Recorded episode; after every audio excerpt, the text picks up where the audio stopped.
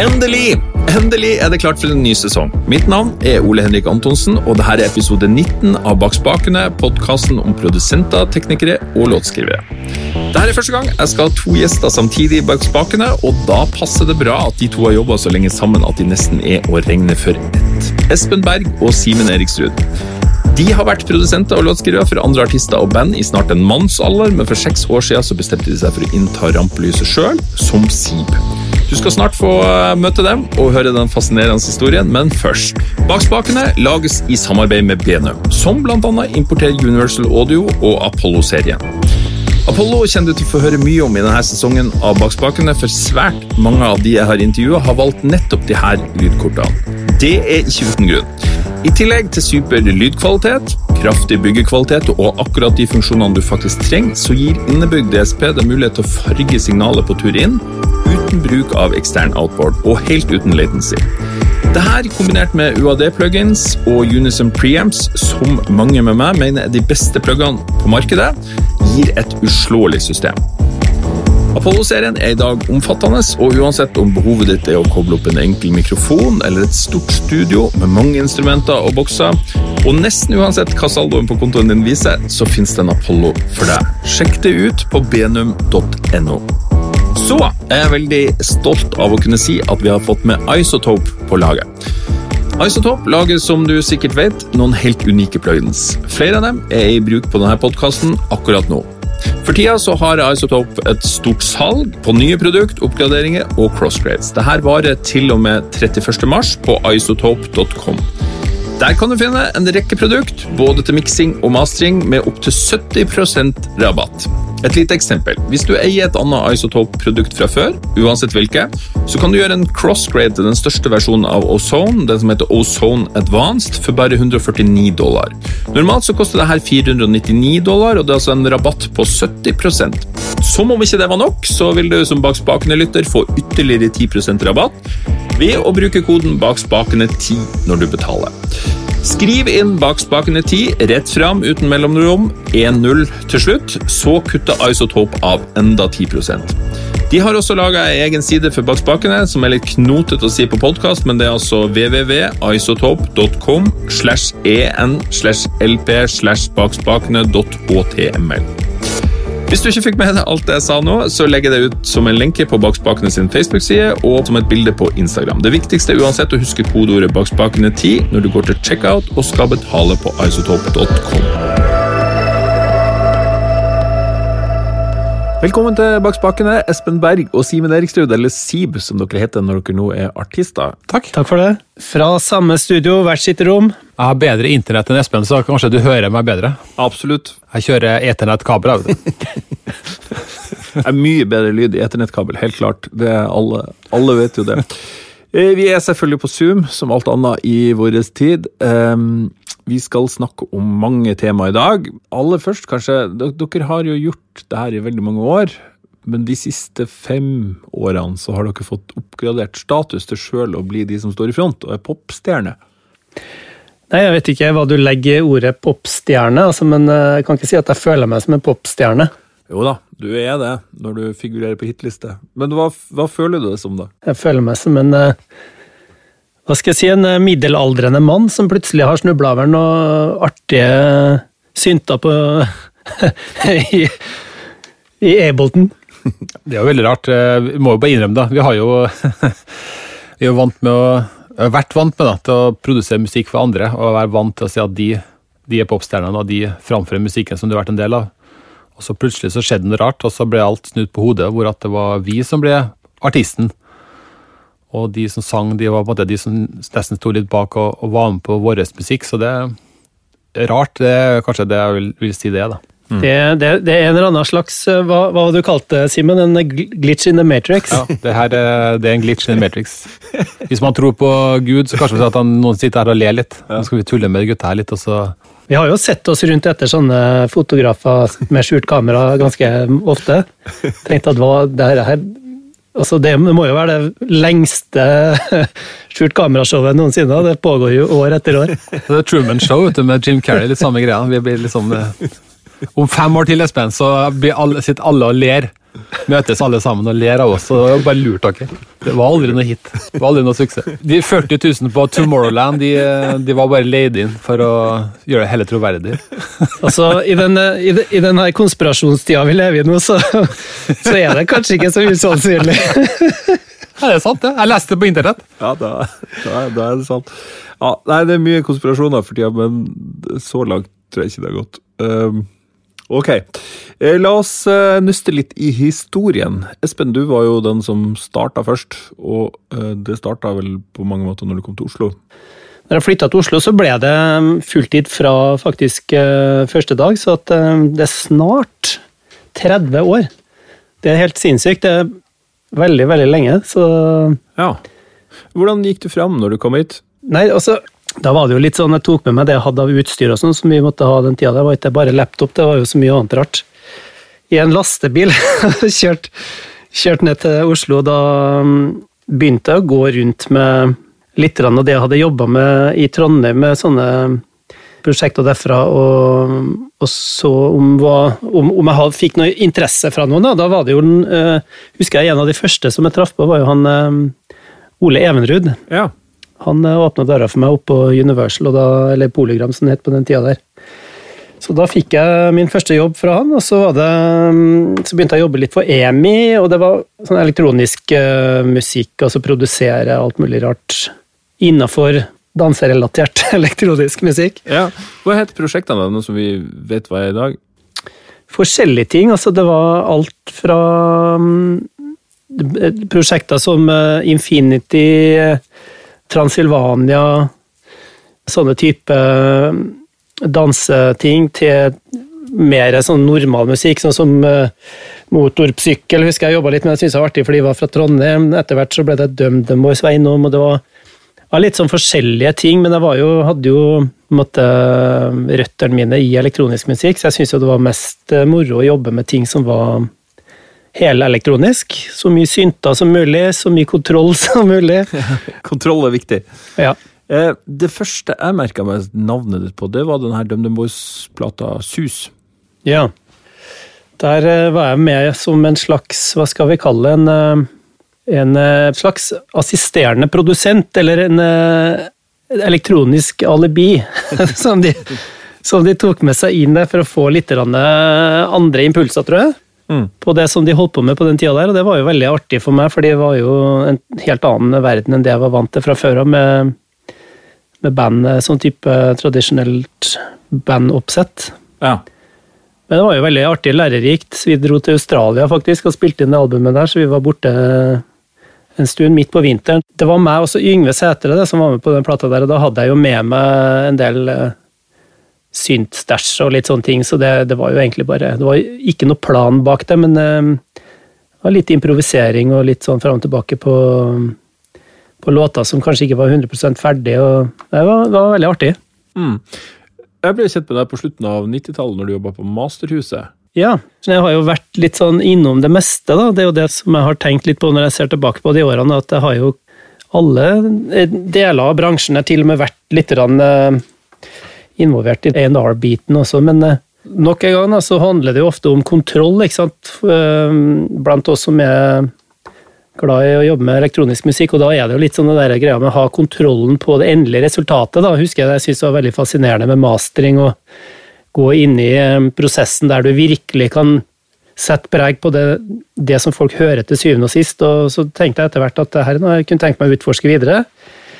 Jeg hadde vel et eller annet slags talent, da, i, trodde jeg sjøl, inn i den, eh, den, retningen der. Og da, da, gikk det plutselig ti år, så jeg ja. holdt på med det stort sett hver dag. altså I ti år, i tillegg til å produsere. da, Så det var, jeg gjorde begge deler. Men eh, på dagtid så satt jeg ofte og mastra, da, både hos Masterhuset i flere år og, og ned her i living room der vi sitter nå.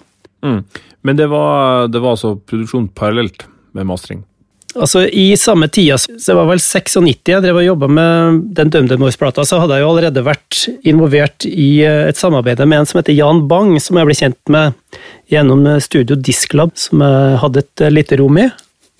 Og um, der ble jeg kjent med mye av de her Tromsø-musikerne, Kristiansand-musikerne osv. Og, så videre, og da traff jeg han Jan her, da, som vi, og vi ble jo gode venner og samarbeidspartnere gjennom flere år. så vi vi produserte jo ting som f.eks. D-Sound, vi var innom eh, masse elektroniske ting, hans eget prosjekt eh, Jan Bang, og så endte jeg opp til slutt med å flytte derfra, fordi da flytta Jan til Kristiansand. Da tenkte jeg noe det neste skrittet for meg er å flytte ut og flytte inn i et eget studio, så da da hadde jeg allerede begynt å jobbe med det her bandet Briskeby, da, fra Vestfold, eh, kan vi si. De bodde vel i Oslo stort sett alle da.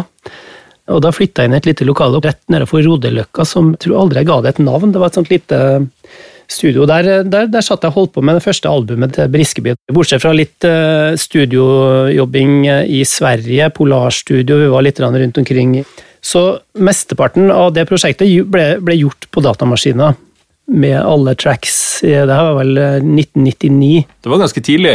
Ja, jeg tror det var en av de første albumene, i hvert fall i Norge, som helt og holdent ble liksom ikke rekorder helt, da, men delvis rekorder, miksa og gjort ferdig på det som het var det Cubase eh, S6, var det det kaltes på den tida der? Kanskje. Eller Cubase Audio, jeg husker ikke helt. Det var i hvert fall veldig morsomt å sitte og jobbe på 100% i maskiner. Og tilbake igjen til det kontrollkonseptet med at du virkelig da har du kontroll på alt som ligger der av tracks. Du kan få gitaren til gitaristen til å ta en nytt gitartrack. Du trenger liksom ikke å, re, å dra til et, et, stort studio for å gjøre uh, ting. Det var veldig synes jeg var veldig, veldig moro. Men det var omtrent på den tida at Living Room ble til? Ja.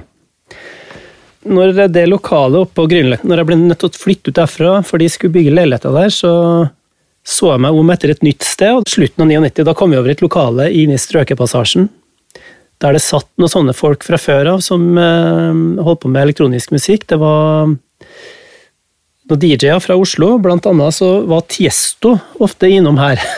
Å oh ja, se det? ja, han var det. Så jeg husker det. Men hvem jobba han med i Oslo? Du, det var han Lars Holte. Han, eh, som, han drev en platebutikk nedi, nedi her. Ja. Så han jobba i platebutikken hans, så vidt jeg husker, og han pleide å, henge oppe, oppe, her da, i det lokalet her innimellom. Ja. Så det var litt, det var litt sånn spesielt, for jeg husker jeg møtte han på vei opp trappa hit en gang. Og da var jo ikke han kjent, han var på en måte litt sånn halvkjent i transverden som en lovende DJ, men det var jo fra Norge på en måte hans karriere skjøt fart. Ja. så det at han ble verdenskjent, var jo her først etterpå, ikke sant. Ja. Så overtok vi her, og så bygde vi noen sånne ganske enkle lokaler her, da. Oss tre da, som flytta inn her, Bjørn Fløystad, meg og Vidar Ersfjord. og Så gikk jo årene, og så kom Simen inn i bildet etter hvert, for da, da dukka han opp inn i Oslo på et eller annet tidspunkt, det var vel rundt 2002, tror jeg. Og så, ja, så vi, Men vi er jo her enda. Det ble lang podkast her! ja, altså her, her, skal vi dekke 30 år, ikke sant? Det her, det her kommer til å ta tid. Ja, ja, ja. Men eh, Simen, du, du, skal også få være med. Du eh, kom også fra Trondheim. Det stemmer. Men det er spesielt at jeg, jeg kjente ikke Espen eh, da jeg bodde i Trondheim. Jeg ble hørt om Espen via en som jeg spilte i band sammen med. Ja. Og han, Espen var da en up and coming, veldig attraktiv produsent å jobbe med, så jeg bestemte meg for å, å spamme ham med demo. Ja, ikke ja. spamme, da, men du vet, sende litt ting. Jo da, det, det tror jeg vi sier. For jeg, På den tida der så var jeg mest opptatt av å spille i band og, og lage låter. og sånt. Egentlig ikke drive og produsere. Så vi trengte virkelig en produsent, og jeg syns det Espen jobba på var veldig spennende. så det var... Han ble sendt mye ting, og så var han jo for så vidt positiv, men eh, det skjedde ikke så mye, mye, konkret. Det ble ikke prioritert, for å si det sånn. Så jeg endte opp at jeg må begynne å gjøre ting sjøl. Så jeg begynte jo mange år da, å produsere og lage demoer. De, ja, det begynte å låte litt bedre etter hvert, og så skjønte jeg kanskje at hm, kanskje jeg, det var ganske gøy. Ja. Så det, kanskje jeg har det, så kom jeg heller ikke inn på jazzlinja Trondheim og så tenkte jeg kanskje, hm, kanskje musiker ikke, ikke det jeg bør satse på. Så um, ble det Ja, vi holdt jo kontakten, og så jobba litt sammen uh, på en låt en gang. og så husker jeg sa til henne at du må bare si fra hvis det blir et ledig studio der du jobber, her, der i living room. da. Og det gjorde du en dag. så Espen husker jeg tok over hele legekontrakten en dag, og da var det et rom ledig, så da sa jeg ja. Da kommer jeg. Flytta til Oslo, og så begynte jeg å jobbe her. da. Så For i lang historie kort, da, så var jeg jo litt sånn Jeg satt og jobba litt på Espens prosjekter som, som en sånn eh, sånn tiltak som var bare for at jeg hadde lyst, da. Sånn bare jobba gratis. bare bruk, for Jeg hadde jo bare lyst til å få være med på ting og lære ting, så jeg syntes det var kjempespennende. Sant? Jeg husker jo veldig godt um, at da jeg flytta til høsten 2002, så jobba Espen på et album med D-Sound. Og de likte jeg Ja. veldig godt på den tida. Da jobba jeg litt på det og spilte litt og programmerte litt. Og så, og så ble jeg kjent med vokalisten, så det gikk jo også veldig bra på privaten. ja. så, så det var egentlig ganske bra for meg å flytte til Oslo. Jeg synes det var spennende både kreativt og så personlig så ble det også veldig bra. Så det var et bra valg av meg å flytte fra Trondheim ned til Oslo. Ja. Jeg husker den dagen jeg kom inn her og skjønte at du, hadde, at du og Simone hadde blitt kjærester. Da, da skjønte jeg virkelig ikke hva som skjedde her. Du, du passa for dårlig på, Espen. Hadde ikke noe kontroll. Denne episoden lages i samarbeid med Benum og Universal Audio. Det finnes mange modeller i Apollo-serien, og en veldig populær er Apollo Twin X med dedikerte knapper for de funksjonene som du trenger tilgang på, og en stor pott som kontrollerer det hele. TwinX har to preamper med kombinert jack og XLR. Videre finner du monitorutgang og to analoge linjeutganger som kan brukes som et ekstra monitorpar. Den er altså optisk inn, som kan være både SPDIF og ADAT, og i fronten finnes hodetelefonutgang og en highset-inngang for å koble til instrumenter. TwinX kommer med både duo- og quad-prosessering, som gir rikelig kraft for å sette opp to drømmestriper på inngangen. Ønsker du en eh, rimeligere og enda mer kompakt variant, så er løsningen Apollo Solo. Den har litt enklere design, men du får med det aller, aller meste fra TwinX. Det du mister, er optisk inngang og ekstra linjeutganger. Apollo Solo kommer også med bare én UAD-chip mot to eller fire i Twin X. Én brikke er likevel nok til å sette opp to skikkelig gode Unison preamper på begge kanalene, eller én god preamp og en god kompressor på én kanal, eller de fantastiske gitarampene, eller hva som helst av de fantastiske UAD-pluggene. Apollo Solo har altså fordelen at den kan kjøres på Buzzpower, at den er enda enklere å ta med seg i veska. Les mer på benum.no. Du, eh, Simen, første gang jeg møtte deg, da fortalte du om et nytt norsk band fra Drammen som du skulle jobbe med, som het Donkeyboy. Stemmer det. Og hvis jeg husker rett, så var det da sånn at du skulle da involvere Espen i det. Ja, Det var litt omvendt. Kommende år fram i tid, da, så husker jeg det var jo et band som Espen hadde en kontakt med lenge tid, men det er også ting som, litt sånn som med bandene mine, det hadde ikke kommet til noe konkret ut av det ennå. Nei. Så husker jeg at på den tida der så tror jeg jeg og Espen drev studio sammen, tror jeg, så vi var litt sånn Ok, nå, jeg har nå ledig tid, så jeg trenger liksom å få inn litt, litt penger inn i, inn i studio. Ja. Så jeg husker jeg at jeg begynte å jobbe med, jobbe med de, da. Jeg tror det var på den tida jeg satt og jobba på et annet prosjekt. Lurer på om det var Superfamily eller noe. Så, Stemmer det? så tenkte jeg da at jeg, ikke, jeg kunne gjerne tenkt meg å jobbe med de gutta her, men jeg hadde jo ikke tida til å gjøre noe mer enn i hvert fall ikke noe sånn eh, mange låter der og da, så jeg foreslo at eh, Simen skulle sette i gang. da, og det, det var jo et veldig bra prosjekt. Jeg mener jo det at eh, og det var kanskje det beste prosjektet du kunne ha begynt med akkurat der og da. Og så tenkte jeg jo, når jeg begynte å høre ting etter hvert, at yes, det her må jeg jo bare gå inn, jeg må, det her må jeg være med på. Fordi det kan ikke la han holde på med det her alene. Det var det som var litt av grunnen til som var bra for meg, fordi Oslo for Espen var jo veldig ettertrakta. Sånn jeg var jo eh, hva skal jeg si, ukjent, så det var jo på en måte å komme inn her og kunne liksom være litt eh, Hva skal jeg si eh, Ha litt eh, ekstra arbeidskapasitet, da, så begynne å jobbe på ting. Så det har jo funka veldig bra. Det må man jo kunne si. Det så ut som det meste dere tok i på den tida der ble til gull. I hvert fall fra utsida. Og etter hvert så begynte dere jo også å se utover landets grenser. Simen fikk jo en uh, publishingavtale med EMI, eller du gikk inn i en publishingavtale, Simen, det var kanskje ri- riktigere å si. Mer jeg som ba om det, for jeg husker etter suksessen med første Donkey-albumet, så var jeg veldig sulten på å liksom komme meg ut av Norge og du vet, England og USA og, og jakte drømmene der. da, så Ja. Da begynte jeg å jobbe med EMI Publishing i Sverige for å få du vet, ha låtskrivesessions, lage låter som blir pitcha rundt omkring og, og det. Og det holdt jeg på med noen år med jeg vil si relativt begrensa suksess. Og, men det var veldig mye fine erfaringer. og så etter hvert så Da vi begynte å jobbe med den andre Donkeyboy-plata, da var Espen eh, involvert helt fra starten. Ja. Vi hadde hatt en del sessions, men vi hadde ikke reist så veldig mye eh, og gjort ting da. Ofte folk kom hit til Oslo, og jeg hadde ikke tenkt at jeg skulle begynne med noe sånn låtskriving og fokusere mest på det, og bare produksjon. og Jeg var liksom all over the place, som, som jeg alltid pleide å være. Men Ja.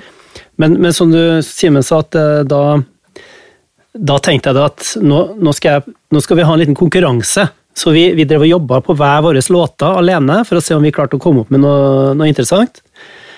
Og, eller på, på Donkeyboy, da. Og så da så satt jeg hjem i pappaperm, for jeg hadde fått eh, min sønn nummer to. Og han var liten, og det var på våren jeg husker jeg hadde så mye ekstra tid, for han sov så mye. Han var veldig rolig. Hvor bestiller man sånne sønner? Nei, altså, si det. Når han lå så, så drev jeg og kikka på Sonic Academy eller et eller annet, så jeg tenkte nå skal jeg lære meg Ableton. Så skal jeg vise Simen at Ableton er kult, fordi vi satt og vi har alltid jobba i Cubis. Ja. Og jeg begynte å bli lei av den derre åpna skjermen i QBS, der står det ingenting. åh, nå må du begynne fra scratch. Hver gang var liksom sånn litt uh, tungvint. Så, så satt jeg hjemme og holdt på med det der kurset, som varte et par, uh, par dager. Og underveis i det ene kurset der, så kom det opp en låtidé. For da hadde jeg begynt å skjønne Ableton, og da tenkte jeg men her, her kommer det jo en låt, uten at jeg helt vet uh, visst hvor den kom fra. Stjal selvfølgelig basstromma fra den der Sonic Academy-låta, men, men, det kom opp en låt der. Og, og, så husker jeg tok med den til Simen da, i studio og så spilte opp det jeg hadde der. og da tror jeg han skjønte plutselig at Ableton er det vi burde jobbe med hvis vi skulle være kreative og på en måte få litt fart på låtskriversatsinga vår. Så burde vi ha et verktøy som funka liksom, på den kreative fronten. og da og ut av den låtideen her så kom den Cityboy-låta. Ja. Den ploppa på en måte ut uh, som et resultat av uh, et kurs i pappaperm. Ja. Og, og, det funka såpass bra at da, da, snudde vi alt vi holdt på med på huet, og så tenkte at nå, nå, jobber vi nå jobber vi med det programmet, og så prøver vi å satse litt. Se om vi klarer å lage litt mer elektronisk uh, Ting som var litt mer elektronisk, da. Jeg ble tvunget til å gå til Eberton, jeg var veldig skeptisk, for du kunne ikke kompe vokal. Det var Nei. en del ting der som ikke gikk. Og, men så hørte jeg så en annen sitte på at det låter jo så fett. Det var, åh, jeg jeg syns du kom opp med så mye bra ting. Jeg tenkte nå Enten så kan jeg gå her med dårlig selvtillit, eller så bare tvinger jeg meg sjøl. Så jeg noe sånn, tok noen Sonic Academy-kurs, og så lærte meg Ableton, og så da, da var det ingen vei tilbake igjen. for da og det er jo en ting som, eh, For å hoppe helt fram til Seaboy, vi har aldri klart å få til det vi har fått til i dag, hadde ikke brukt Ableton. For det har vært en ting Nei. som var veldig bra da, av eh, først av deg, Espen, å, å bytte et program. For jeg tror det passer oss bedre som ja. produsenter vi er. da. Hmm. Men det er sånn innimellom så må du bare gjøre noe nytt. altså. Ja. Bare ta, ta stikk fingeren i jorda og tenke, eh, eller si at ok, nå, nå tester jeg noe nytt, utfordrer meg sjøl litt. Mm. Det er ikke sikkert at det er så enkelt, men ofte så kommer det noe morsomt ut av sånne situasjoner. Ja, for det var ganske langt, også selv om du sier dere gjorde Briskeby på, på, på, en datamaskin, så, ja. så var jo Living Room Studio veldig analogt eh, også. Eh, og det var jo Du kjøpte jo sikkert to sånne SSL 4000-bord, gjorde du ikke det? Jo, jo. Til et program der du ikke engang har Jeg vet ikke hvordan det er i dag, men du hadde ikke engang busser, eh, eller altså Nei, du kunne trikse litt rundt med det, men det var litt skummelt, for vi satt jo Første albumet til Donkeyboy det ble jo miksa på våre 4000G, eller EG-serie SSL, 56 kanaler. Helt rått uh, miksebord, egentlig, men etter hvert så det ble jo sånn at vi brukte det mer som en sånn uh, monitorkontroller, ikke sant, og da da var det litt sånn, det var sånn frihet å komme inn i et program hvor du merka at du trengte ikke å, å, tenke så veldig mye outboard, du trengte ikke å, å gjøre så mye annet enn å eksperimentere i programmet, for det gir deg så vanvittig mange options, og så er det så rent og, og fint i utseendet så at det, ting blir ikke gjemt bak masse menyer og ting.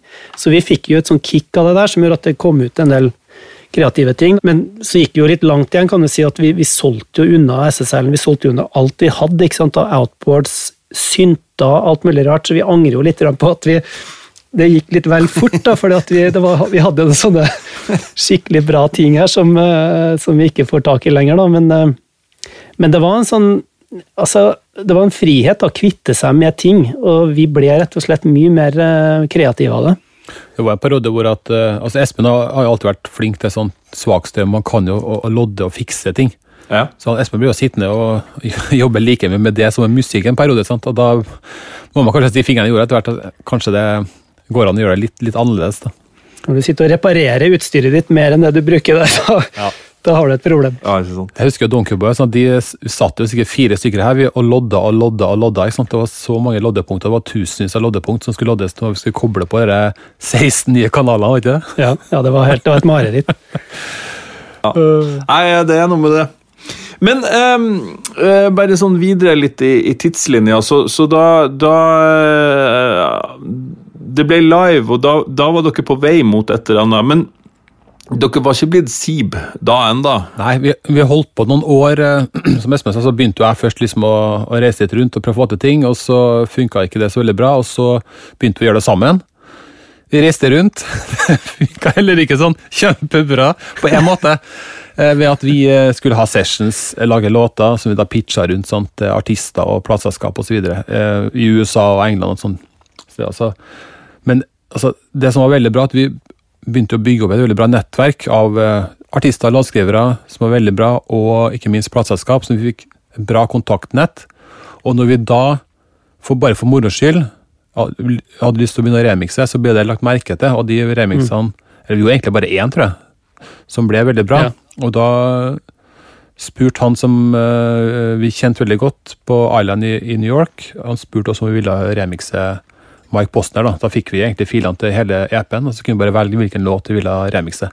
Mm. Og Da gjorde vi en Ibiza-låt. Vi syntes den var, var litt artig, for var, teksten var litt snål. Så vi syntes at den uh, det var litt, no, noe artig med den, men vi Ja. tenkte jo ikke at det her kom til å bli en stor hit. Så vi gjorde det egentlig bare litt sånn uten mål og mening, bare for å ha det gøy. For vi var litt lei av dere ja, pitche låter, vente på aldri få svar og den, den greia der, da. Så det var egentlig litt I, altså imellom her nå, fram til vi, eller fra vi på en måte reiste eh, rundt og, og prøvde å gjøre eh, hva skal jeg si, en, en slags eh, slapp eh, R&B, eh, norsk tolkning av R&B i USA. Det var ikke helt, uh, var ikke helt uh, vellykka, men, men, men så ble vi såpass Vi ble så lei da, av, av å ha sessions og, og sitte og jobbe på låter som nesten ble pitcha inn et eller annet sted. Vi skulle bare lage en ny versjon, en ny versjon, en ny versjon. Bytte ut eh, hi-haten med 100 000 forskjellige high-hater. Til slutt så bare tenkte vi at her gidder vi ikke lenger. Nå bare gjør vi noe helt annet, og så ser vi om, om det funker. fordi da kom vi faktisk fram til det vi egentlig burde gjort kanskje tidligere. men og det var det å gjøre ting akkurat sånn som vi ville gjøre det sjøl, uten å høre på noen sine feedback eller noe. Og da, da må jeg si, da var vi på et sted hvor vi hadde egentlig tenkt at alternativet til det var faktisk å, å stoppe eller avslutte karrieren da, og, tenk, og begynne å gjøre noe annet.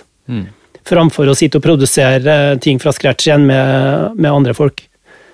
Så slags kniven på strupen, da. Så hvor går det herfra? Nei, vi får prøve å ta, gjøre noen remixer, da. se, om, se om det funker. Og så funka det, ikke sant. Men vi var over grensa der, altså.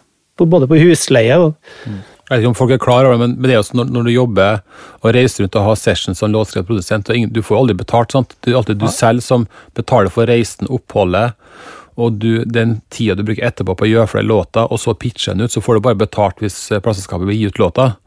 Så for oss så var det også en veldig økonomisk eh, modell som ikke funka så bra. Det ble litt tynt på, på kontoen etter hvert. Var det da utstyret i studio røyk, eller? Ja, jeg hadde ikke noe mer utstyr å selge heller, vet du. Vi solgte jo unna masse ting. vet du, så Til slutt var det ikke så mye annet enn å selge noen høyttalere, men da, det gikk jo heller ikke. Så. så. Men det var litt sånn naturlig at vi, vi droppa egentlig litt å gjøre det greia der, så prøvde vi på noe helt annet, og så funka det mirakuløst nok. Så da, når vi jobber som, når vi remiksa, så hadde jo på en måte a cappellaen kom jo servert. til oss litt som på et, på et gullfat. ikke sant? Nå kan vi bare gjøre det som skal være rundt der. Vi slapp den der reisinga, ha sessions og høsle og holdt på med det der. så vi, vi kom på en måte litt til dekka bord, og det var noe som tydelig vi hadde passa veldig bra for oss akkurat nå. da. Ja. Og bare kose oss med, med det vi fikk, og så leke oss, ha det gøy. Ja.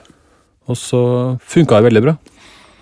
Og den sangen som dere valgte, den Mike Bosner-låta 'I Took a Pill in Ibiza', den, den, eh, det gikk jo ganske bra. Det gjorde det. Ja, det gikk bra, men, men, men det var ikke noe sånn eh, Hva skal jeg si, det var ikke noe, var ikke noe selvsagt at det var den låta, for at vi hadde mm, hele EP-en hans, og vi satt også med flere andre artister som vi kanskje egentlig hadde mer trua på, fordi at eh, Mike Posner på den tida der, så var han litt død. Men en morsom liten anekdote med Mike Posner Når jeg satt og holdt på med den Cityboy-låta, så hadde jeg mer eller mindre rappa bassriffet til en Mike Posner-låt som var populær på den tida. Den første gangen han var liksom eh, hot i USA.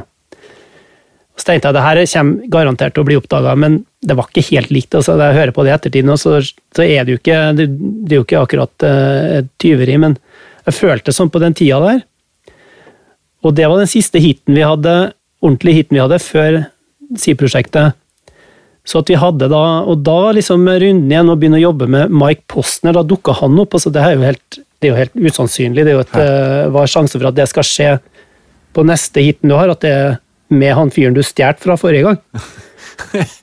så, så, det ble på en måte sånn der, for meg da, sånn litt sånn skjebnens ironi. da, Sitte her og, og, jobbe med en fyr som da hadde blitt helt kald. ikke sant? Han hadde ikke hatt noen eh, hits på noen år, og, og så kom vi over det. Så jeg tenkte at da, det her må vi bare gjøre. Vi har nødt til å, vi skylder liksom, hva skal jeg si, universet og så lage en eh, vi lager en sånn payback-låt til han der Mike Posner, så endte jo det opp med den remixen, ikke sant, og det var jo det som var enda sjukere med det hele, det at Simen sa det i studio idet vi sendte av gårde den versjonen til Island, sa det ja, ja, det her blir sikkert heaten, og så er det bare en remix.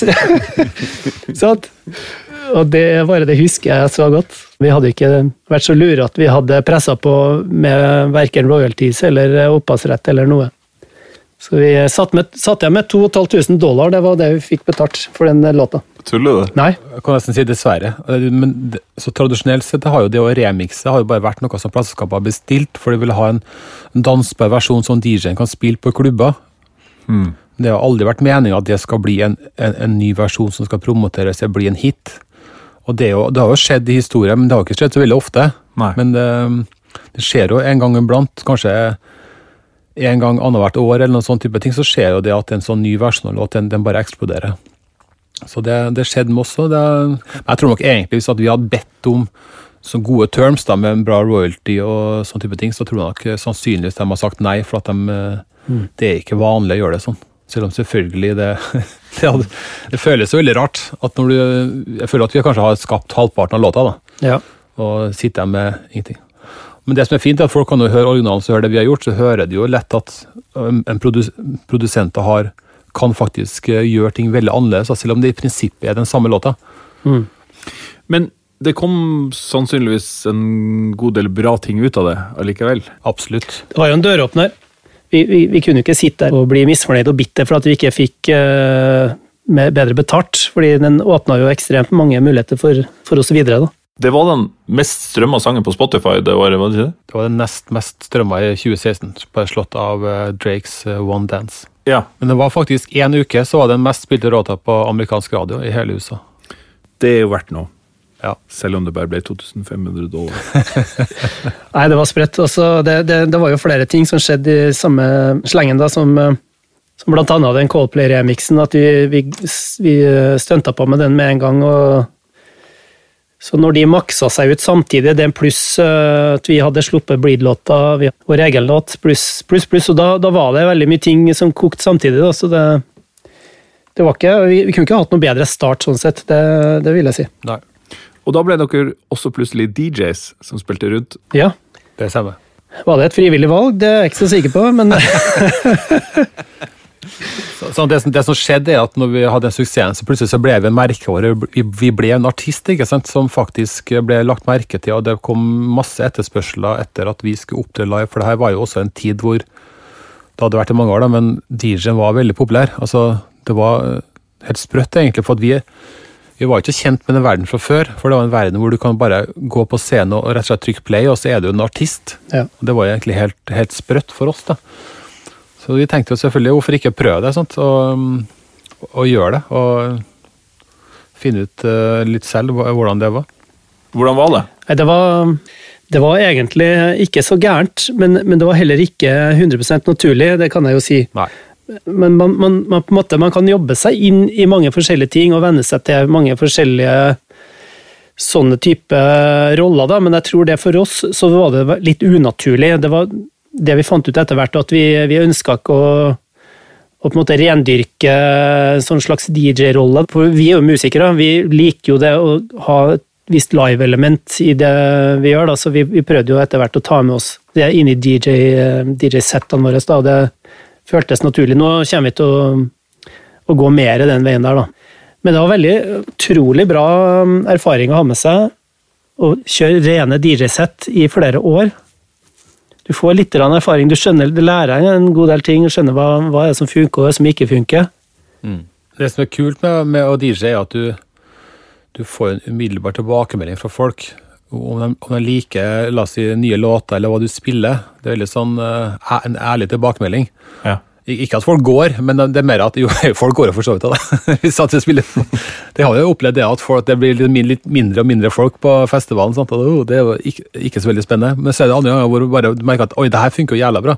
Ja. Ja. At når vi var på Tomorrowland og da vi spilte Ibiza-remixen vår, så, så tok det helt av. Og så var faktisk 40 000 som sang med.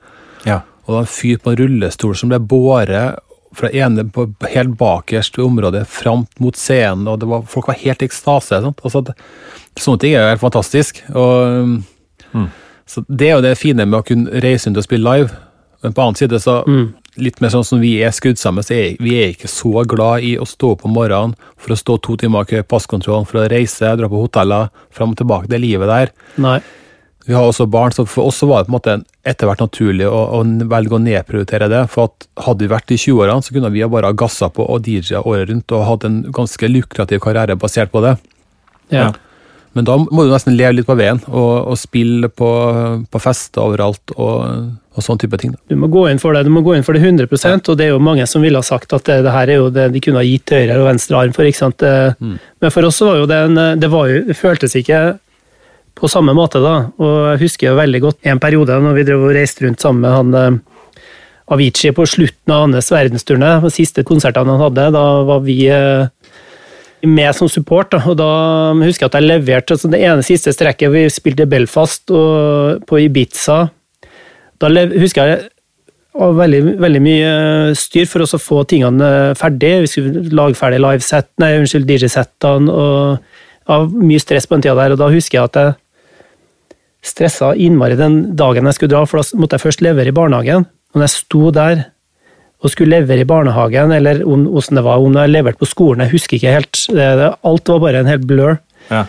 Uh, og helt sånn meningsløst å dra derfra. Nå har jeg gjort liksom en vanlig sånn foreldreoppgave. Sørga for å, sm å smøre matpakker, gjort sånn, så setter jeg meg på flyet og så drar jeg til Belfast og spiller liksom foran 20 000 mennesker. ikke sant? Og, kjøre i politieskorte med han Havici gjennom byen etterpå med, med blålys, og det var helt absurd, altså, hele greia der. Ja. Så det føles som jeg har vært med på en slags sånn derre Skal jeg kalle det en uh, Karusell. ja, en film hvor du ikke Det er liksom en annen enn som, som spiller deg. Ja. Du er ikke med. Ja, så for oss er det naturlig å, å spille live, ikke sant, og, og gjøre det der, der til en mindre greie. Den der DJ-kulturen, den Det er jo helt sprøtt, egentlig. Jeg tror det er ingen som kunne ha spådd at DJ ble, ble etter hvert en artist som sto på en festival. Sånn som det med David Guetta var en del av. ikke sant? Og, og så plutselig så ble det også DJ-en ble på en måte så ble produsenter artister. Ja. Som Kygo, Ellen Walker her i Norge. og Det er også helt sprøtt, og du er en produsent. Du sitter jo egentlig i studio og nerder og, lager litt lyder rundt en uh, sangers vokal. Da. Så plutselig er du artisten, skal stå på scenen og DJ. og Hele greia er egentlig det er egentlig litt surrealistisk og veldig rart, men eh, Det er litt vakkert òg. ja, det er jo det, men samtidig er det også en, en veldig sånn eh, dyp anerkjennelse av eh, hvor viktig en musikkprodusent er, og hva faktisk han eller hun kan tilføre musikken. At det ikke bare er noen som bare legger på noen keyboards rundt, og så er det bare, bare det. Ja, ikke sant? Men hvor mye er dere rundt altså, Jeg ser da bort fra nå under korona, men sånn ellers, hvor mye er dere rundt og spiller? 2019 så hadde vi Jeg husker ikke hvor mange show vi hadde, men vi har liksom bevisst valgt å trappe det ned siden vi slapp uh, den EP-en i 2018.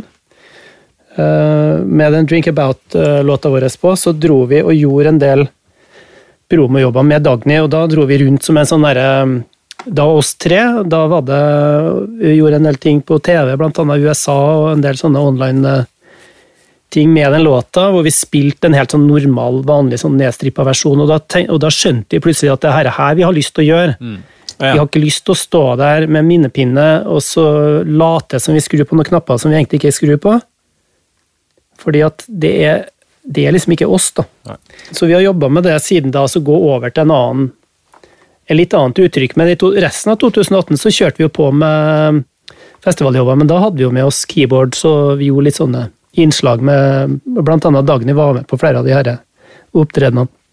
Vi ser for oss at vi skal gjøre eh, noen ting i, så fremt det blir lov da, i 2021, men mer basert på et sånt eh, liveoppsett med en sanger og en musiker i tillegg til oss. Ja, nettopp.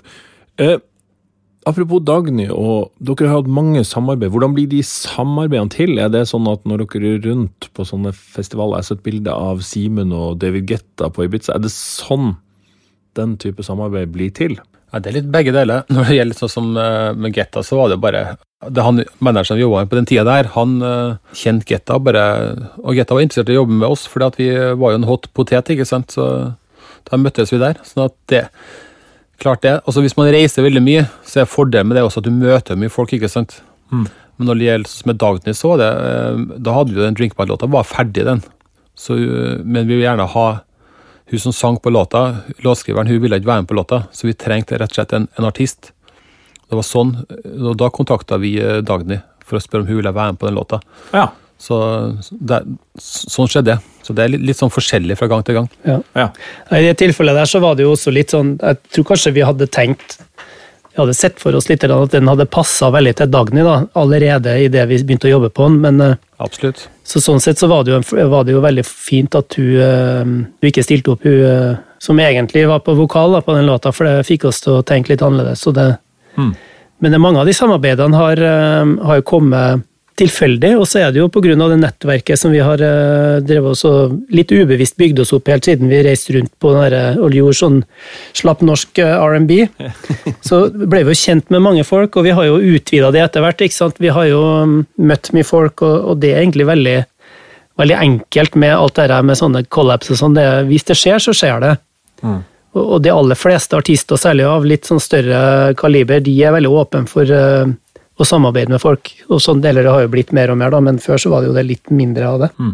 Nå er det jo sånn, Du ser jo låter på Spotify hvor det er liksom, det er maks tre primary artists, men det er ofte tre-fire sånne navn i tillegg på låta. ikke sant? Det er massevis, og det, det er samarbeidet som er tingen. og Vi har kommet i kontakt med folk på alle mulige måter. Ja. Sånn som på Bastille-samarbeidet, så var det jo gjennom uh, Dan som hadde sendt låta til sin manager, som kjente vår manager. Han ville at vi skulle jobbe på den. Bare sånn, sikkert en, en av mange han har sendt rundt med forespørsler om samarbeidet, men da hadde jo han en låtideen på, på Grip-låta. Så hørte vi, tok vi vokalen hans, og så, så jobba vi fram en sånn som den er nå. Det er veldig vanlig i bransjen at man sender ideer litt fram og tilbake, altså via det såkalte internett. Ja. Det, eller så har man sessions, men for vår del så har det, vi har hatt noen sessions og vi har møtt med folk, ikke sant, men vi hadde en session med Ryan Tedder i USA, men det ble aldri den låta, men han sendte oss en idé han hadde jobba på etterpå, som ble den Rich Low-låta som uh, vi gjorde med de, med One Republic. Mm. Så det er veldig vanlig at man bare rett og slett sender ting fram og tilbake og jobber på den måten der, da. Ja, og Får dere da, er det en demo, er det vokallinje, er det hook? Hva?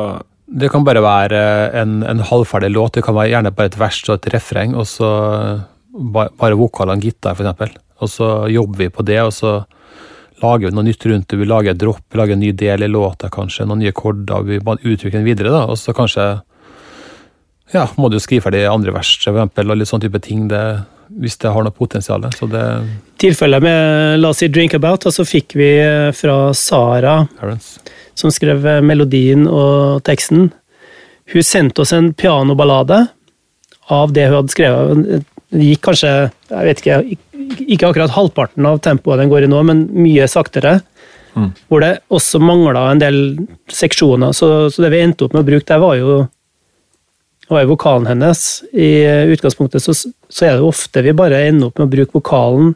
Ofte så bytter vi den ut etter hvert, og hvis vi må ha en ny sanger, men, men veldig ofte når du får en sånn idé, da, la oss si at du får en eller annen vokalinnspilling av en låtskriver, så låter det veldig spesielt. Og så tenker du at ja, men det, det her er jo sånn låta bør være. Og så jobber du på den, så kommer musikken fram, og så, så sitter du igjen til slutt med, med, vokalen. Og så skal du begynne å bytte ut den med en såkalt ordentlig artist. da. Mm. Og det kan, være et, det kan være et mareritt, fordi da, da, må du innom og gjøre, og så må du teste forskjellige folk, og så må du få dem med deg, og så er det noen som vil skrive om litt, og så er det sånt, og da det er ikke alltid at det er en fordel altså, å gjøre det. Ofte er det nesten bedre å bare gå med den, den vokalen som er der fra før av. Fordi at du klarer aldri å få matcha den. I tilfelle med Drink About så klarte faktisk Agni å knuse eh, originalvokalen med den eh, nye som hun gjorde. Men, eh, men, på den så tror jeg jeg lurer på om vi hadde seks forskjellige versjoner av den, med forskjellige vokalister. Seks forskjellige sangere. Så um, Wow. Så det, det der med collabs det er ikke enkelt, og det er mange som, som sliter med liksom det, akkurat det der med å finne ut hvem er det som skal være featuren, hvis det ikke er den låtskriveren som er der fra før av. Der har du jo den store fordelen med å, med å remikse, bare, sant? da slipper du litt greier der. Ja. Du får på en måte servert her av kapellaen, gjør hva du vil, og så bare giver det ut. Krysser vi fingrene. sant? Mm.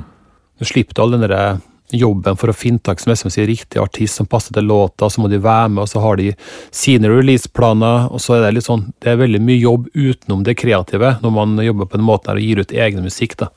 Og så er det jo plattformen til den eh, feature-artisten. da, sant? Er den riktige? Kan den trekke eh, låta bra nok? Er det liksom Ja, det, det er mye. Mange variabler. Og etter fem år som Sib, så gir dere endelig ut album. Ja.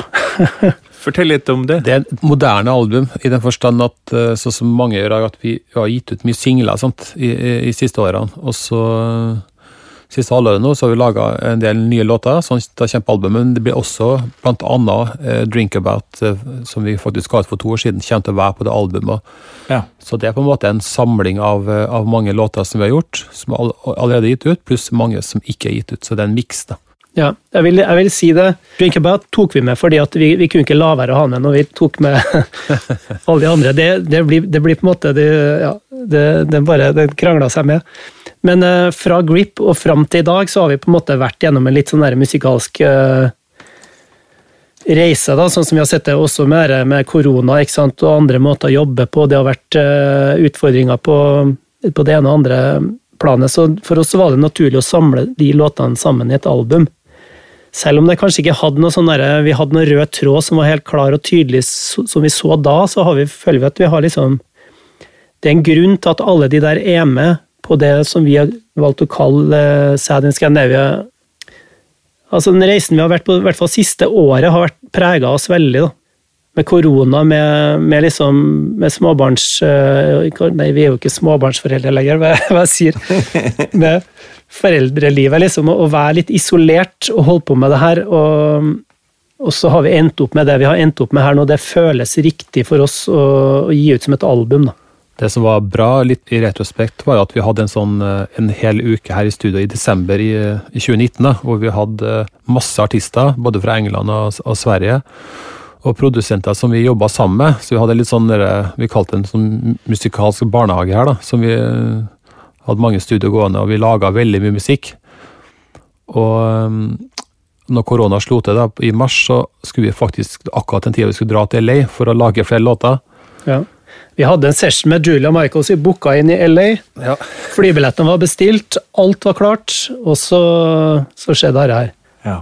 Men heldigvis så hadde vi masse låter liggende på harddisken som vi kunne jobbe med, da, når eh, alle sammen måtte ha hjemmekontor og ikke kunne reise. sånn at, eh, og En del av de låtene er jo også på albumet, da, så Mm. det er litt korona-inspirert album, for å si det sånn. Mm. Ja.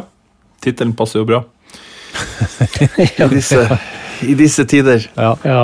Hvordan tenker dere på dere sjøl? Som låtskrivere, artister, produsenter. Hva, hva definerer dere dere som i dag? Jeg har sagt for meg sjøl, så føler jeg jo altså, ikke, ikke sånn tradisjonell låtskriver hvor jeg sitter ved et piano og jobber med en, en låtskriver på den måten, selv om jeg har gjort det òg. Så jeg føler meg mest hjem i studio, og gjerne kanskje vokalen er allerede spilt inn, og den ligger på en måte da øverst i e-belten, og så er det å sitte liksom med synter og lyder og lage et sånt et lydlandskap som passer til, til vokalen. da. Så jeg føler meg nok først og fremst som en produsent, men det er jo også, du er jo også en låtskriver gjennom å være produsent. ikke sant? En mer moderne låtskriver, da. Så kanskje mer den, den rekkefølgen der.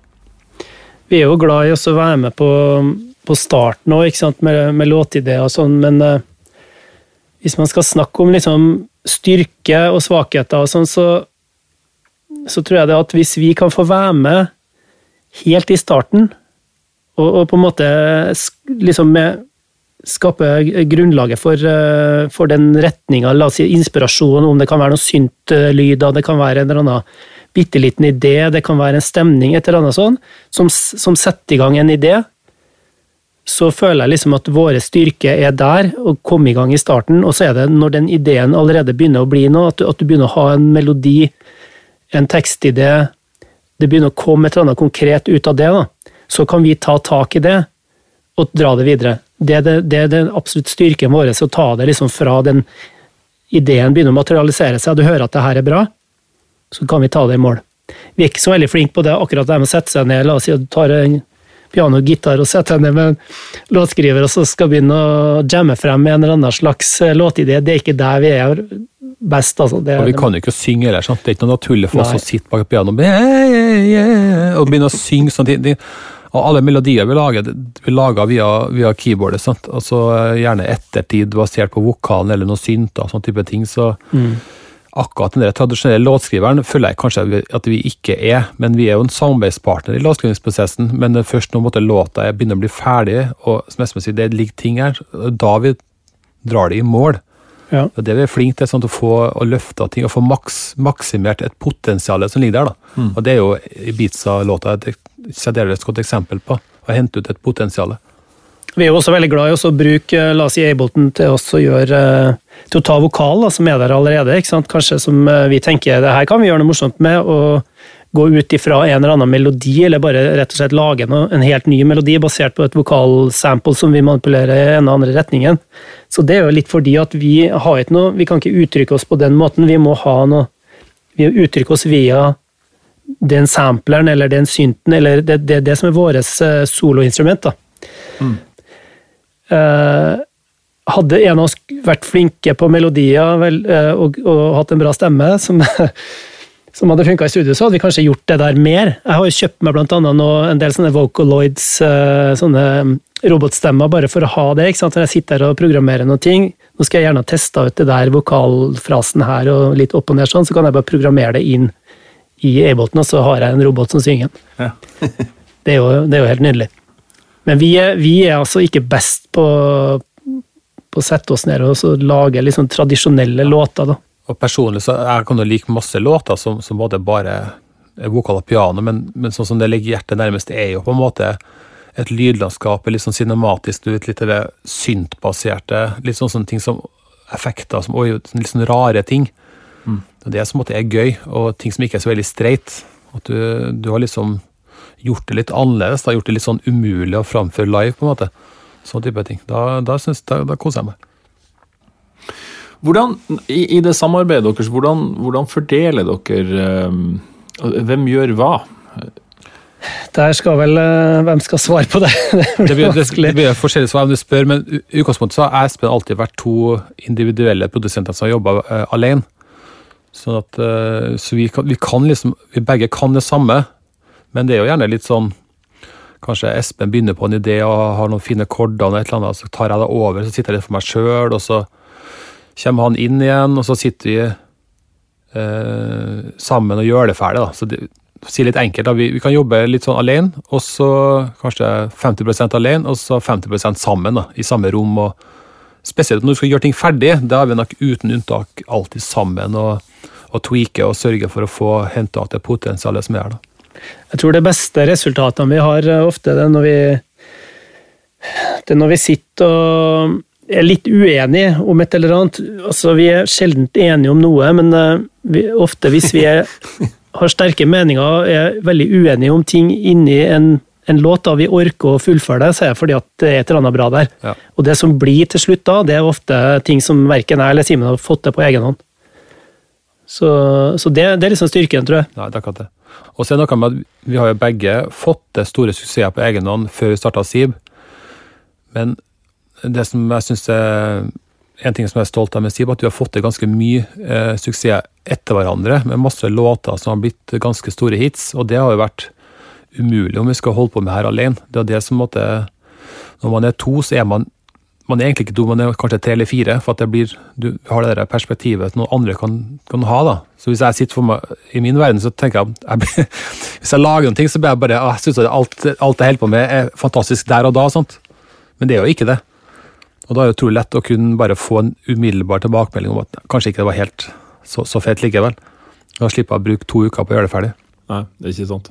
Noen som kan knuse alle drømmene. Ja, for det er gjerne sånn, sånn som vi som er kunstnere, vi, vi blir jo veldig Det er kill your darlings-uttrykket. Altså, Vi vil lage darling hele tida. Vi får sånn veldig sånn små barn. Vi lager nesten sånn kjærlighetsforhold til alt, men det er jo det er egentlig bare noe sentimentale greier du holder på med. Det er ikke noe som folk flest vil bry seg noe om. Så hvis du vil ha det her som en jobb, så er det jo utrolig bra å kunne lage ting som, som andre folk liker. da. Og da er det jo fantastisk å være to, at vi kan speile hverandre og si litt ærlig hva, hva du egentlig driver med. Mm, ikke sant. Eh, La oss snakke litt om miksing og mastring. Alt skjer i Ableton, eller? Alt skjer i Ableton. Altså, vi, vi har jo mange som mikser for oss, men uh, i siste, men sånn som du gjorde i, når vi starta Sip, så bare Det ble miksa og mastra i Ableton mens vi programmerte. Ja. Vi er tilhengere av å tilbake igjen til den kontrollbiten, altså ha så mye som mulig kontroll sjøl. For at hvis vi skal ha noen til å mikse noe, f.eks. du hadde sendt noe til Vi har miksa med Manny Marroquin, vi har miksa med um, Serban, vi har miksa med både Søren og Anders i Sverige. ikke sant? Også det, er- det er liksom de fire som vi, som vi liker da, å, å jobbe med på miks. De, um, de er veldig forskjellige, men fellesproblemet til alle er jo det at når du først har noen ting som du Hvis, hvis, du, hvis du er, miksen er 90 der, da, så skulle du bare gjort den lille 10% for å få det ferdig, så er det så vanskelig. Fordi at det er tilbakemeldinger, du kan, nesten, du kan ikke sitte i studio sjøl og bare dra opp den faderen, ikke sant. Det, det er det vi ikke liker med å mikse med andre. Ellers så er jo fantastiske, flinke folk, så vi elsker jo det resultatet de, de gir oss innimellom. Men, men ofte så gjør vi det også sjøl, bare fordi at vi vet at hvis vi sender av gårde nå, så kommer vi alltid til å ha et eller annet vi irriterer oss over etterpå. Så da kan vi like gjerne bare gjøre det sjøl. Mikse ferdig sjøl. Og når vi først har miksa det, så kan vi like gjerne bare mastre det sjøl. at det er Alt det der, der er Innimellom så kan det ha noe å si, men ofte så så tror jeg det har mindre å si da, enn det folk eh, flest tror når du først har en, en låt som er La oss si at du har en miks som er 90% du har en master som er 90% De folkene som hører den, de vil ikke høre noe forskjell på den som er 90 og den som er 100. Kanskje noen vil få en liten følelse av at her er det noen ekstra magiske ting som har kommet inn, men generelle følelsen den tror jeg ikke vil være så veldig annerledes. Så vi starta med det. I, I starten så gjorde vi alltid det. Vi bare gjorde oss ferdig, miksa det, la oss si Ibiza, Copley, alle de her første tingene, låtene vi har eh, gjort sjøl også, Breed-låta, What You Love-låta, alle de gjorde de ferdig ganske kjapt. Miksen brukte vi ikke spesielt mye tid på. Mastra det i løpet av en halvtime hver. That's it. Da, der er det ferdig. Og det funker. Det er det som du hører på Spotify i dag? Ja, ja. Det som du hører på Spotify. Ja. Og jeg husker den første gangen, for jeg har sittet og brukt mange år på å finne ut av det her med mastering, hvordan skal man få det der til å skje, hvordan skal man få edda den lille magiske detaljen her eller ikke. Jeg husker jeg fikk spørsmål av um, han ene fyren vi jobber med på Island, om jeg kunne mastre uh, hun der Kajsa uh, fra Canada som hadde den derre ehm, uh, Hva heter den låta igjen, Simen? Hideaway. Hideaway, ja. Altså en kjempestor hit i 2000, 2013 13 eller 14. Ja.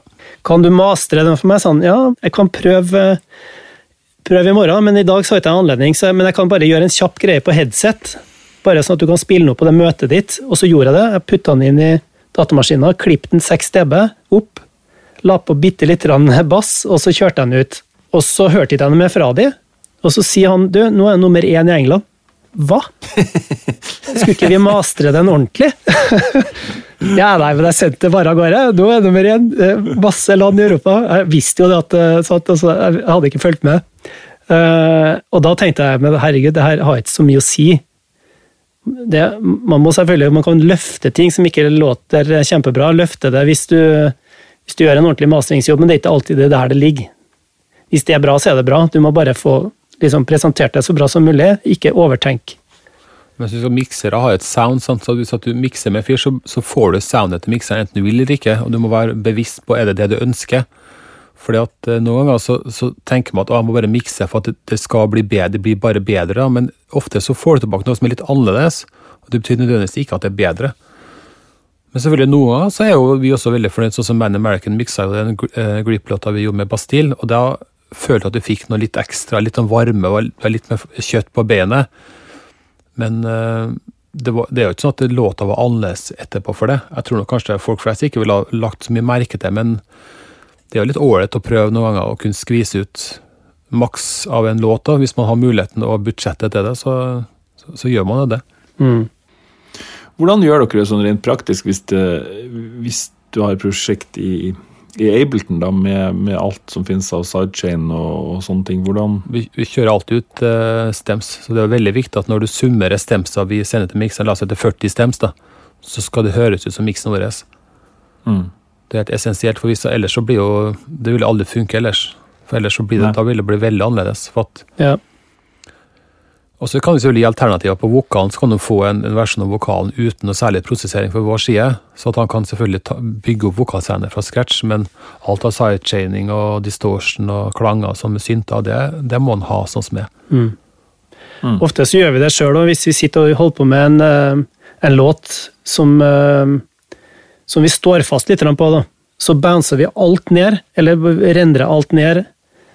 Alle frys, alle midi-tracks, og sørger for å ha så mye audio-tracks som mulig, og det gjør ofte at det liksom løsner litt.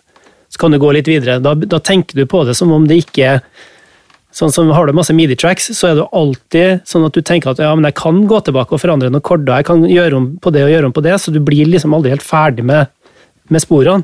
Men hvis du bare låser deg hele tida til at sånn blir det, så går det liksom mye fortere framover, da. Hva med hardware-synter? Du har jo en del av det, Espen. Ja. Ja, vi har jo det begge to, egentlig, men eh, ja, jeg har og har hatt. ja. Begge har det. Ja, jeg, jeg hadde jo en Roland Jupiter 6 for mange år siden. Og i den perioden hvor vi gikk over til Ableton skråstrek laptop, så solgte jeg bare unna alt. Så jeg solgte Jupiter 6 min til David Eriksen. Og ja. Espen kjøpte jo en Jupiter 6 eh, for et halvt år siden av David Eriksen, så han kjøpte min. da. Jeg kjøpte din gamle, og så nå, nå er den i topp stand. Jeg, solgte, jeg hadde jo en jeg også, som jeg solgte før Simen igjen. Som jeg kjøpt på Majorstua bruktmarked i, på starten av 90-tallet for uh, 1000 kroner. Det er det beste kjøpet jeg har gjort. Men jeg må jo si at uh, synta er jo Vi elsker jo synter.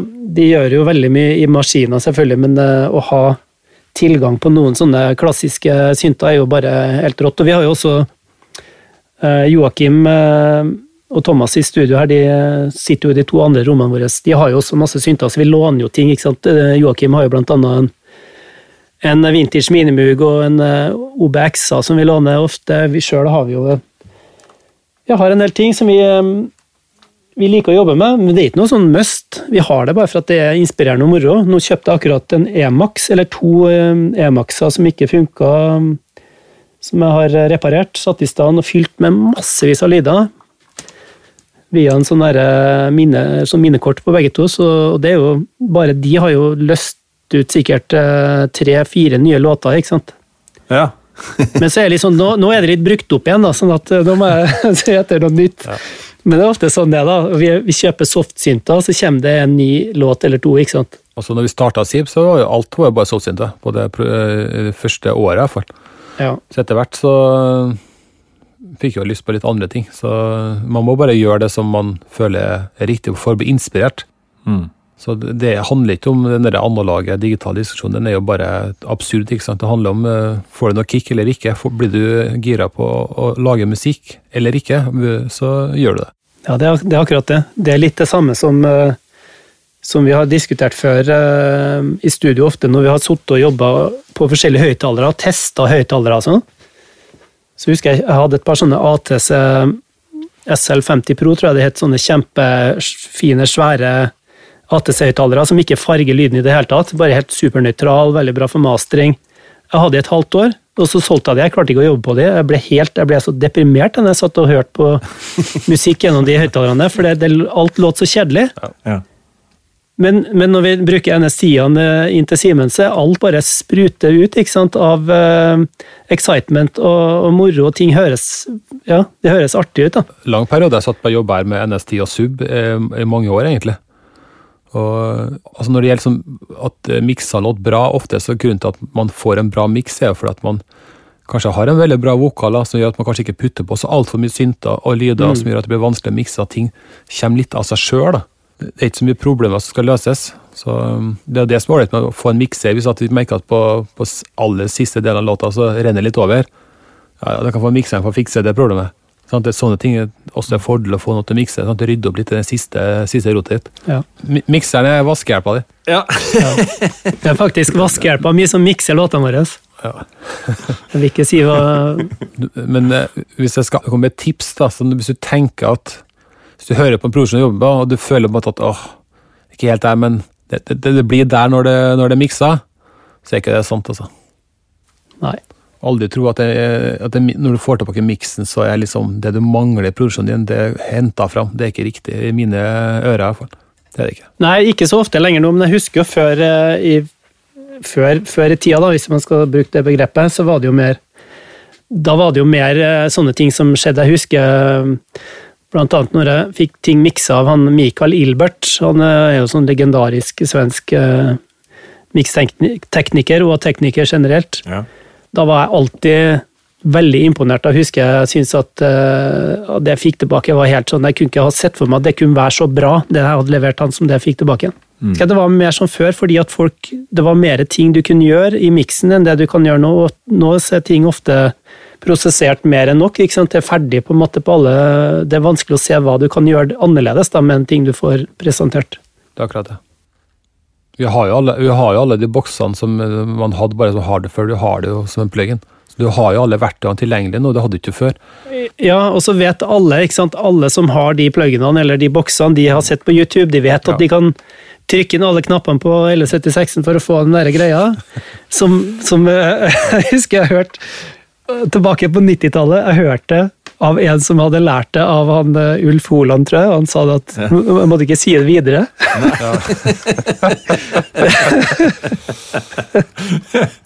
Så- Those were the days. Ja, nei, det, det er litt synd Ja. at magien er liksom så tilgjengelig for alle. Det er ikke så mye hemmeligheter lenger, føler jeg, som uh, kanskje det var før. da. Nei, ikke sant.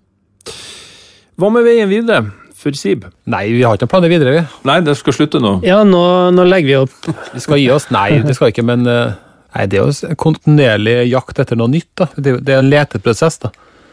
Som å finne litt nye lyder og finne litt, få et opprettholde noe, noe som føles litt fresht. da.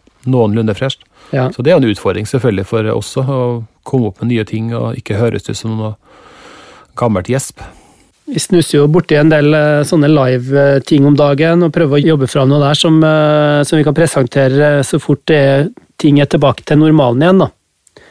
Som er mer basert på våre egne ting, ikke så mye DJ-sett med andre sine låter iblanda ting, men nå har vi nok musikk til at vi kan presentere en, et, et eget show med våre ting, med kanskje så og så mange sangere og musikere.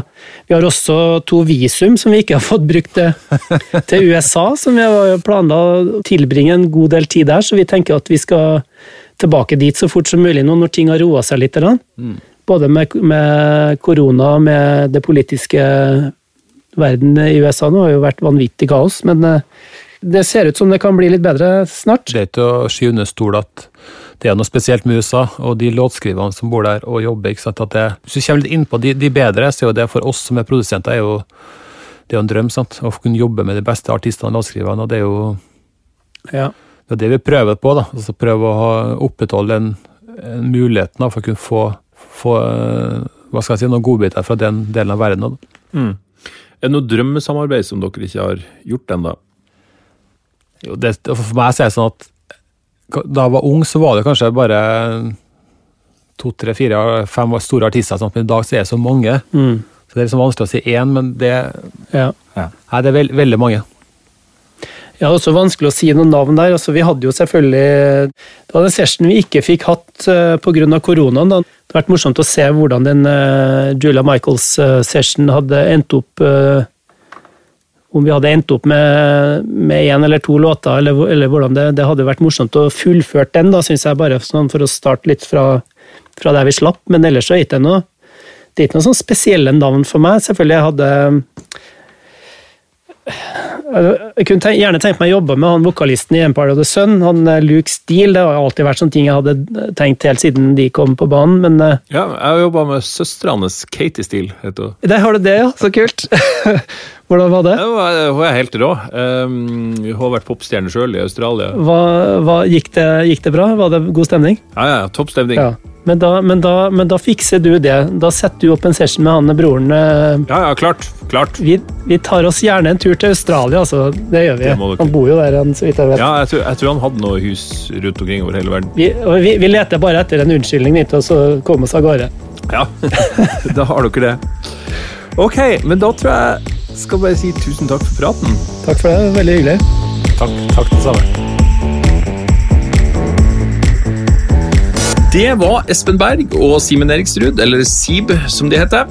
De står på mange måter for både gammelt og nytt, og er på den måten representativ for resten av denne sesongen, som blir en herlig miks av nytt og gammelt. Det er mye å glede seg til. Sitter du med mobilen og lytter på Apple Podcast nå, da er det i så fall kjempefint om du legger igjen en rating. Da vises bakspakene bedre i iTunes. Legg gjerne også igjen en kommentar om hva du syns.